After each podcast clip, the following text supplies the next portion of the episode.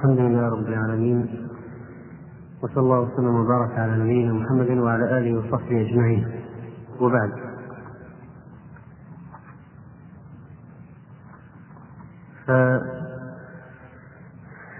فمما يعز علي في هذا المقام أن يكون هذا الدرس هو آخر درس في سلسلة الآداب الشرعية. ولعل الفرصة تتاح إن شاء الله لإكمال هذه الآداب في مناسبة قادمة. وفي ختام هذه السلسلة في هذه الأيام لعلنا نتم الكلام على بعض أبيات القصيدة التي ابتدأنا في فيها وهي قصيدة لعبد القوي رحمه الله تعالى. و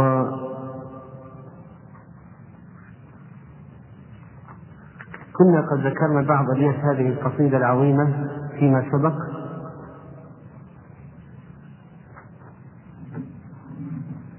ونختار أبياتا أخرى من النصف الثاني من هذه القصيدة لشرح بعضها والتعليق عليها.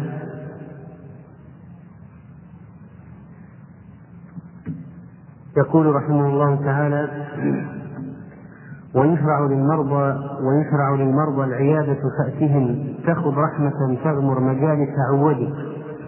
يعني أن العيادة للمريض مشروعة فأتهم فإنك تمشي في الرحمة وتخوض فيها في ذهابك ومجيئك وتكون مغمورا أثناء جلوسك فيها. تغمر مجالس عودي والعود جمع عاد. فسبعون ألفا من ملائكة الرضا تصلي على من عاد منسا إلى الغد. إذا عاده في المساء صلوا عليه إلى الصباح. وإن عاده في أول اليوم واصلت عليه إلى الليل الصلاة فأسنده. إذا عاده في الصباح واصلت الملائكة عليه الصلاة إلى الليل كما جاء عن النبي صلى الله عليه وسلم وهذا المقصود بقوله فأسندي يعني أسند الحديث في عيادة المريض والأجر فيه إلى النبي صلى الله عليه وسلم.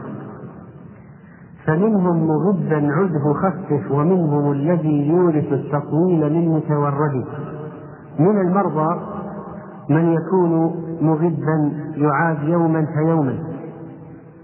ومعنى الغب قيل هو من غب, غب الإبل أنها تسر يوما وتترك يوما. فقوله فمنهم غبا مغبا عده يعني عده يوما وتركه يوما. وقال بعضهم إذا أراد أن يكون غبا يعني يوما في الأسبوع. فمنهم مغبا عده خفف لا تكن الجلوس عنده. ومنهم يعني ومن المرضى الذي يؤثر التطويل من متورده. المتورد هو طالب الورود وهو العائد يطلب ويحب التطويل من الذين يقدمون عليه. إذا المرضى يختلفون. بعضهم يريدك أن تطيل عنده وتزوره كل يوم. وبعضهم قد يمل ويتعب من كثرة الزيارة والإطالة. ولذلك لا بد من مراعاة الحال ولذلك قال رحمه الله تعالى وفكر وراعي في العيادة حال من تعود ولا تكثر سؤالا تنكده. لا تكثر السؤال عن المريض متى جاءك المرض وما هو شعورك وكيف حالك ونحو ذلك كما يفعل بعض طلاب الطب مع المرضى. ولا تكثر سؤالا تنكده تنكد على المريض. ومكروه استئماننا أهل ذمة لإحراز مال أو أو لقسمته اشهدوا يعني يكره أن نجعل الأمانة عند أهل الذمة لأنهم أعداؤنا في الدين فلا يؤتمنون. نعم إلا منهم أمناء. من أهل الكتاب من تأمنه بقنطار يؤديه إليك ومنهم من تأمنه بدينار لا يؤدي إليك إلا ما دمت عليه قائما. تريد الإقامة عليه باستمرار. ومكروه استئماننا أهل ذمة لإحراز مال يعني لحفظه أو لقسمته اشهدي أي اشهد بذلك واعتقده ولا تعدل عنه. فإنه يكره أن نستأمنهم وأن نستعملهم في قسمة الأموال. وأن نجعلهم من يوزعون الرواتب مثلا. ومكروه استحبابهم لا ضرورة وما رتبوه من دواء موصد ويكره أيضا أن نستعمل النصارى واليهود وأهل الكتاب أهل الذمة ولو كانوا أهل الذمة أن نستعملهم في الطب ونذهب إليهم لكن إذا دعت الحاجة والضرورة فلا بأس بذلك. ولذلك قال رحمه الله ومكروه استطبابهم لا ضرورة. يعني في حال الضرورة لا يكره ذلك. وما ركبوه من دواء موصد الموصد المنسوج والمركب الدواء. يعني أيضا يكره اللجوء إليهم في تركيب الأدوية وأخذ الأدوية منهم. فإنه قد يخلطون معها أشياء من المسمومات أو النجاسات لأنهم قوم لا دين لهم صحيح. فربما جعلوا فيها سموم من باب الخيانة أو جعلوا فيها أشياء من النجاسات لأنهم لا يحترزون عن النجاسات. وكثير من الأدوية المركبة فيها فيها نجاسات أو مأخوذة من النجاسة. أو ربما يكون فيها أشياء مما يستر وإن مرضت أنثى ولم يجدوا لها طبيبا سوى فحل أجزه ومهده. إذا مرضت أنثى من المسلمين طببتها أنثى. مسلمة. فإن لم توجد أنثى مسلمة فطبيبة كافرة. فإن لم يوجد قال ولم يجدوا لها طبيبا سوى فحل قال في الشرح يعني لو كان خصيا أو كان خنثى فهو أولى من الفحل الذكر. لكن إذا لم يوجد إلا هو الطبيب الذكر الفحل أجزه يعني أجز تطبيبه للمرأة للضرورة. ويقدم الطبيب المسلم على الطبيب الكافر. سوى فحل أجزه ومهده ويكره حقن المرء إلا ضرورة. الحقن الحقن إيصال الدواء من المخرج إلى الجوف بالحقنة. ويكره حقن المرء إلا ضرورة. لكون فيها شيء من التعذيب وكشف العورة. لكن لو احتاج للحقنة الحقنة عن طريق المخرج وليست الحقنة في الوريد مثلا أو غيرها. ويكره حقن المرء إلا ضرورة وينظر ما يحتاجه حاقن قد يعني الحاقن الذي يحتاج الذي يضع الدواء أو الحقنة في الشرج مثلا ينظر على قدر الضرورة ولا يتعدى. كقابلة حل لها نظر إلى مكان ولادات النساء في التولد ومثل الحاقن الذي يحتاج إلى النظر إلى العورة لوضع الحقنة مثله في إباحة النظر للحاجة والضرورة مثله قابلة القابلة التي تولد. حل لها نظر إلى مكان ولادات النساء مكان ولادة المرأة في العورة الكبرى. خروج الولد. في التولد يجوز لها النظر إليها في حال الولادة. ويكره إن لم يسر قطع بواسر وبط, وبط الأذى حل كقطع مجوده. وكذلك قطع البواسير. ولكن إذا لم يكن يسري ولم يكن يضر فلا بأس به.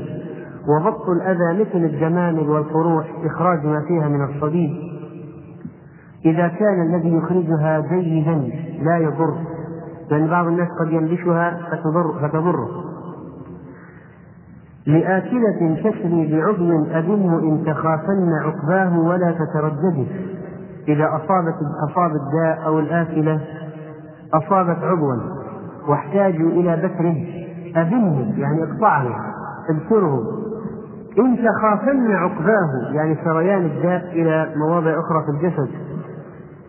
إن تخافن عقباه ولا تتردده مثل بعض الأمراض كالسرطان أو غيرها وإذا أصابت إذا أصاب الداء عضو وكانت وكان ينتشر يضطرون في بعض الأحيان لقطع العضو فما حكم قطعه؟ الجواب لا بأس بذلك لأجل المصلحة العظيمة في قطعه أو درء المفسدة الكبيرة ويلف ويدفن وقبل الأذى لا بعده الكي فاكرهن يعني اكره الكي قبل المرض. أما بعد المرض إذا حصل فلا بأس به. وقبل الأذى لا بعده الكي فاكرهن وعنه على الإطلاق غير مقيد. يعني جاء أيضا عن الإمام أحمد رحمه الله رواية بكراهية الكي على كل حال. لكن نقول الكي الكي إذا لم يكن له حاجة لا يستعمل فإذا صار له حاجة فإن وجد ما يغني عنه يترك لأن فيه استعمال النار وفيه نوع من المثلة لأنه يشوه مكان الكي ولذلك لا يستحب فعله لكن إن دعت الحاجة إليه ولم يكن إلا هو آخر الدواء الكي فلا بأس بذلك. وقبل الأذى لا بعده الكي فاكرهن وعنه على الإطلاق غير مقيد. وفيها عدا الأغنام قد كره الخفى لتعذيبه المنهي عنه بمسند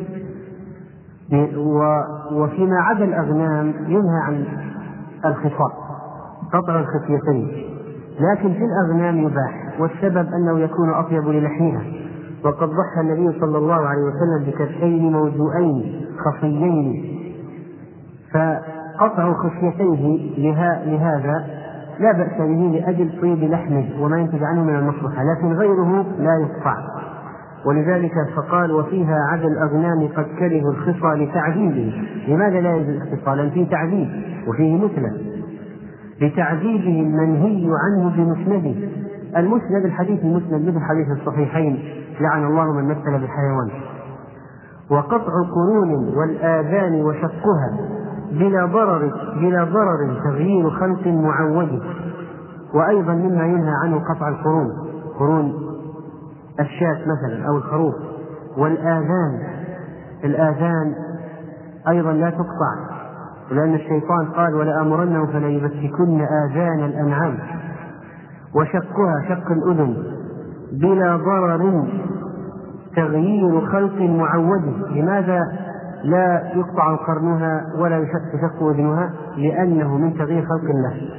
وإليه الإشارة بقوله تغيير خلق معود يعني خلق المعتاد. لا نفعله لأجل أن لا نغير خلق الله. ويحسن في الإحرام والحل قتل ما يضر بلا نفع كنمر ومرتد. انتقل رحمه الله لبيان بعض بعض ما يتعلق بأحكام قتل الحيوانات. قال ويحسن في الإحرام والحل. في الحل والإحرام قتل ما يضر قتل كل ما يضر سواء كنت محرم غير محرم في حدود الحرم خارج حدود الحرم يجوز لك قتل ما يضر بلا نفع لأن الحيوانات على ثلاثة أقسام. منها ما ينفع بلا ضرر ومنها ما يضر بلا نفع ومنه ما ينفع ويضر. وسيأتي حكم كل واحد كل واحد من هذه الثلاثة. قال ويحسن في الإحرام والحل قتل ما يضر بلا نفع كنمر ومركب والنمر أو النمر ضرب من السباع فيه شيء شبه من الأسد معروف غير أنه شرس جدا لا يملك نفسه عند الغضب وربما قتل نفسه من شدة الغضب هذا يجوز قذف الحل والحرم والمرفد ما هو المرفد؟ ما هو المرفد؟ نعم. ها؟ لا. المرفد اسم من أسماء الأسد. والأسد معروف أن له عند العرب أكثر من 500 اسم. ومن أشهر أسمائه عندهم أسامة والحارث وحيدرة والهزبر والضرغام والضيغم والعنبس والغضنفر وقسورة والهرماس والليث. ومرشد هنا من أسماء الأسد. ولذلك قال ويحسن في الإحرام والحل قتل ما يضر بلا نفع كنمر ومرتد. فالأسد مما يباح قتله لأنه من السباع الضارية المعتدية. لكنه إذا إذا ترك فريسة لا يعود إليها وإذا ولغ الكلب في ماء في ماء لا يشربه. لا يشربه. عنده أنفة لا يشرب من الكلب الذي ورد فيه الماء. قال وغربان غير الزرع أيضا وشبهها كذا حشرات الأرض دون تقيد. يعني الغربان يجوز قتلها. مثل الغراب الأبقع. لكن إذا كان من غراب الزرع لا يجوز قتله للمحرم لأنه من الصيد لجواز أكله. فغراب الزرع منقاره أحمر فلا يصيده المحرم. وإنما الذي يقتله المحرم الغراب المعروف الغراب الذي لا يكون في الزرع. غربان غير طبعا الغراب سمي غرابا لأنه أسود. غرابيب سود وغربان غير الزرع أيضا وشبهها. ما الذي يشبه الغراب مما يقتل؟ مثل الحدأة والقنفذ. هذا يباح قتله. في الحي والمحرم والقنفذ خبيث لا يؤكل. صحيح إنه لا يؤكل. لا يجوز أكله ولو ذكر كذا حشرات الأرض دون تقيد طبعا حشرات كثيرة. مثل الصرصور وغيره حشرات مؤذية. ضرب لها أمثلة في البيت الذي بعده فقال كبق وبرغوث وفأر وعقرب ودبر وحيات وشبه معدد فالبق معروف البعوض والبرغوث معروف أيضا هو من الحشرات التي لها أداة تمص بها الدم. حتى أن بعض بعض الظرفاء قال لا تسب لا تسب البرغوث البرغوث إن اسمه بر وغوث لك لا تدري. فبره مص دم فاسد وغوثه الإيقاظ لصلاة الفجر. طيب كبق وبرغوث وفأر وعقرب. الفأر والجران والعقارب وهي من أفتك ما يدب على الأرض حتى أن تقتل الحية. تهلك الأفاعي بسموم العقارب؟ ومنها أنواع إذا لدغت إنسانا تساقط لحمه تساقط لحمه. تناثر وجاء قتل قتله في لا قال النبي صلى الله عليه وسلم لعن الله العقرب. لا تدع مصليا ولا غيره. وجاء أنه أن عقربا لدغت النبي عليه الصلاة والسلام وجاء أن عقربا لدغت أحد أصحابه فأراد صاحب له أن يرقيه فاستأذن النبي عليه الصلاة والسلام فأذن له وقال استطاع أن ينفع أخاه بشيء فليفعل. فالرقيه من سم العقرب مشروعة. قال كبقر وبرغوث وفأر وعقرب ودبر. الدبر جمع. الدبور وهو الزنبور. يعني الزنابير الدبر هي الزنابير وقد جاء في الحديث الصحيح أن عاصم بن ثابت الأنصاري رضي الله عنه لما قتله المشركون أرادوا أخذ جثته وكان قد دعا الله أن لا يمس مشركا ولا يمسه مشرك. فأرسل الله الدبر فحماه فأضله فجاءوا ليأخذوه فلم يستطيعوا. لم يستطع المشركون أخذ جثته لأن الدبر الجنابير قد أضلته. فلا فلم يستطيعوا مد أيديهم إليه. فالزنبور مما يحل قتله إذا وربما يجتمع على رجل فيقتله. وقد ذكروا قصة أن رجلا كان مع صحبة فشب أبا بكر وعمر. ف بعد بعد حين جاءت الزنابير إليه فاجتمعت زنابير كثيرة عليه. فاستغاث بهم فأرادوا أن يغيثوه فاتجهت إليهم فنفروا عنه. حتى مات. قتلته حتى مات. قال ثم جاء زنبور منها على أحدنا فلم يصبه بشيء فعلمنا أنها مأمورة. قال ودبر وحيات وشبه معدد والحيات يجوز قتلها أيضا للمحرم وغير المحرم وسيأتي بعض الاستثناءات. وشبه المعدد ما أشبه الأشياء التي تشبه ما عددناه قبل قليل يجوز قتلها كالوزن مثلا. ويكره قتل النمل إلا مع الأذى به وكرها بالنار إحراق مفسده. فإذا قتل النمل منهي عنه إلا إذا صار مؤذيا يجوز قتله مثل أنه يقرص يكون له قرصة مؤذية. وهذا أنواع النمل أنواع. منه ما يكون له قرصة مؤذية ومنه ما يكون ليس بمؤذن ومنه ما يدخل في الطعام ويفسد ومنه ما يكون ليس له أذى أو مثال فإذا كان النمل مؤذيا سواء بقرصته أو بإفساده للطعام ودخوله فيه ونحو ذلك فإنه يجوز قتله. ولذلك قال ويكره قتل النمل لأن الحديث نهى عن قتل أربع النمل والنحل والهدن والصرع قال ويكره قتل النمل إلا مع الأذى به فإنه لا يكره. وكرها بالنار إحراق مفسده. فإذا بالنار لا تحرق الحيوانات ولا ذات الأرواح. ينهى عن إحراق كل ذي روح ذي روح لأنه لا يعذب بالنار إلا رب النار.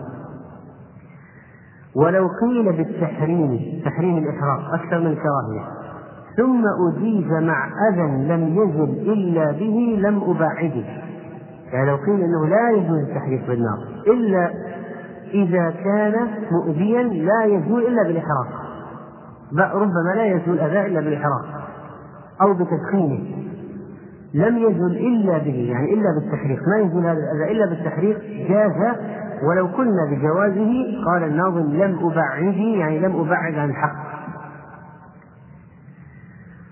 ويكره لنهي الشرع عن قتل ضفدع وفردان طير قتل ذين وهدهد. فإذا نهى الشرع عن قتل الضفدع لما رواه أحمد وأبو داود أن طبيبا سأل النبي صلى الله عليه وسلم عن ضفدع يجعلها في الدواء. فنهاه النبي صلى الله عليه وسلم عن قتلها. إذا لا يجوز استعمال الضفدع أخذ شيء منه للدواء الذين يركبون الأدوية ما يأخذ من الضفادع شيء. ونهى النبي صلى الله عليه وسلم عن قتلها. جاء أن نقيقها تسبيح لكنه لا يصح. والله أعلم. فلما كان ليس منها فائدة يعني لا هي تؤكل ولا يستخرج منها دواء فلماذا تقتل؟ فلا تقتل إلا إذا كانت مؤذية لكن في الأحوال العادية لا تقتل. ويكره لنهي الشرع عن قتل ضفدع وفردان طير قتل ذيل وهدهد. صردان جمع صرد والصرد نوع من الطيور لا يؤكل لحمه فكان قتله من باب العبث ولذلك يترك وعموما لا يجوز العبث بقتل الدواب عموما. إما أن يكون في فائدة من قتله كالصيد أو الأكل أو يكون في دفع ضرر وإلا لا تقتل. لا نقتل أي بهيمة بدون سبب. للتسلية مثلا. وفردان طير قتل زين وهدهد. يعني قتل الضفدع والصرد لا تقتل. والهدهد أيضا. ما هي كنية الهدهد؟ وش كنيته؟ ها؟ أبو الأخبار. كنيته أبو الأخبار وهو الذي جاء لسليمان عليه السلام إن جئتك من سبأ بنبأ يقين. إني وجدت امرأة تملكهم الآيات. قال ويكره قتل الهر إلا مع الأذى وإن ملكت فاحذر إذا غير مفسد. فإذا الهر لا يقتل. هذا البس والسنور والقط إلا إذا صار مؤذيا. كأكل الفراخ وكسء القدور فإن بعض قد تؤذي بأكل الفراخ وكسء القدور قلب القدور وإن ملكت يعني بعض الناس يقول عندنا قطة تؤذينا أو عندنا بش يؤذينا عندنا هر يدخل علينا فيؤذينا واحترنا معه وأخرجناه خارج البيت ورجع ويلد عندنا ويؤذي ويؤذينا بنسمه وأولاده ونحو ذلك. فهذا يؤخذ يرمى بعيد لا تقتله لكن لو ما اندفع شره إلا إلا بالقتل كأن يكون مما يخمش مما يخمش ويفعل الأشياء المؤذية والضارة بالأطفال. وربما مات طفل بسبب أن قطا كبيرا جلس على على وجهه حتى خنقه فمات. فإذا قد يكون القط مؤذي ندفعه نطرده ما ما في فائدة؟ إلا بالقتل يقتل في نهاية المطاف. وإن ملكت إن ملك القط فاحذر يعني لا تقتله إذا صار ملكا للغير. إذا غير مفسد إذا كان غير مفسد. فإذا كان مفسد يقتل. قال وقتلك حيات البيوت ولم تقل ثلاثا له اذهب سالما غير معتدي مما ينهى عنه أيضا قتل حيات البيوت.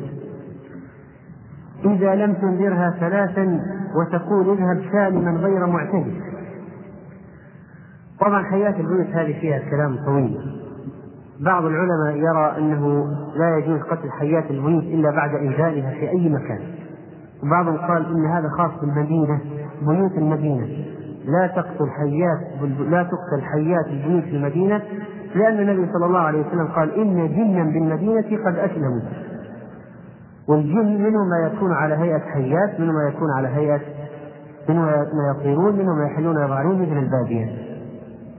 فصنف حيات وكلاب طيب ما دام الجن يتمثل تتمثل بالحيات والكلاب تكون حيات وكلاب طبعا الكلب الأسود شيطان هذا يقتل مباشرة لكن الحية قد تكون جنا مسلما قد تكون جنا كافرا قد تكون حية أفعى عادية أصلية. فالآن العلماء بعضهم قال إن الحيات حيات البيوت تنذر اذا وجدت في بيوت المدينة للحديث. وبعضهم قال في أي بيت في أي مدينة؟ حيات العوامل اللاتي يسكن في البيوت. إذا وجدها لا يقتلها مباشرة وإنما ينذرها وإنما ينذرها. وقتلك حيات البيوت ولم تقل ثلاثا. قد اختلفوا المعنى في الثلاث التي جاءت في الحديث. هل هي ثلاثة أيام ولا ثلاث مرات؟ هل ينذرها ثلاثة أيام كل يوم يقول أحرج عليك بالله أن تخرجي؟ أحرج عليك بالله أن تخرجي أقسم عليك بالله أن تخرجي وتتركي بيتنا مثلا. لو كان جن يفهم طبعا يفهم. إن كان جنا مسلما سيغادر وإن لم يغادر فهو شيطان فاقتله. هكذا أمر النبي عليه الصلاة والسلام. لكن اختلفوا هل هي ثلاث أيام ثلاث أيام أو ثلاث مرات؟ ثم إن الإنسان لو أنذرها ثلاثا ولم تخرج ولو أنذرها ثلاثا ولم تخرج ثلاث مرات مثلا ما خرجت. ما هو ملزم أن يبقيها في البيت؟ ممكن يدخلها في كيس أو شيء يحاصرها ويرميها برا ويرميها بعيدا يعني لا يقتلها. يعني واحد لو واحد قال أنا أنتظرها حتى تذهب تدخل في المتاع ولا أدري أين تذهب. وقد تكون أفعى عادية وليس لها علاقة بالجن. فماذا أفعل؟ هل أترك؟ نقول أنت لست ملزما بإبقائها في البيت لكن أنت تنهى عن قتلها فقط. حتى تنتهي الثلاث المهلة. إذا وجدت بعد ذلك تقتلها ولا حرج. هذا حيات البيوت وقتلك حيات البيوت ولم تقل ثلاثا لهذهب سالما غير معتدي طبعا جاء في ذلك قصة أن رجلا من شباب الأنصار كان عند النبي صلى الله عليه وسلم وكان شابا قويا. والنبي عليه الصلاة والسلام لما أراد الشاب أن يذهب قال أمره أن يأخذ معه سلاحه. قال إني أخشى عليك أو أخاف عليك. فلما جاء إلى بيته وجد امرأته عند باب الدار خارجة. وكان رجلا له غيرة قوية فهم أن أن أن يضربها بهذا الرمح فيقتلها. يقتل المرأة طالعة خارج البيت من غير حجاب. فقالت اصبر اصبر وادخل فانظر ما الذي أخرجني. فدخل فوجد حية عظيمة قد تكومت. فانتظمها برمحه انتظمها برمحه قتلها انتظمها بالرمح فانقلب ثم ركز على الحائط فانقلبت عليه فلسعته فلا يدرى أيهما أول موتا الحية أم الفتى. فلما سمع النبي صلى الله عليه وسلم بذلك قال إن جنا بالمدينة أسلموا. فالمهم أنه إذا وجدها ينذرها ثلاثا يقول اقسم عليك بالله ثلاثا أن تخرجي وتدعي هذا البيت. ونحو ذلك من العبارات. فإن كانت جنا مسلما خرجت وما أذت. وإن كانت شيطانا عصت فاستحقت القتل.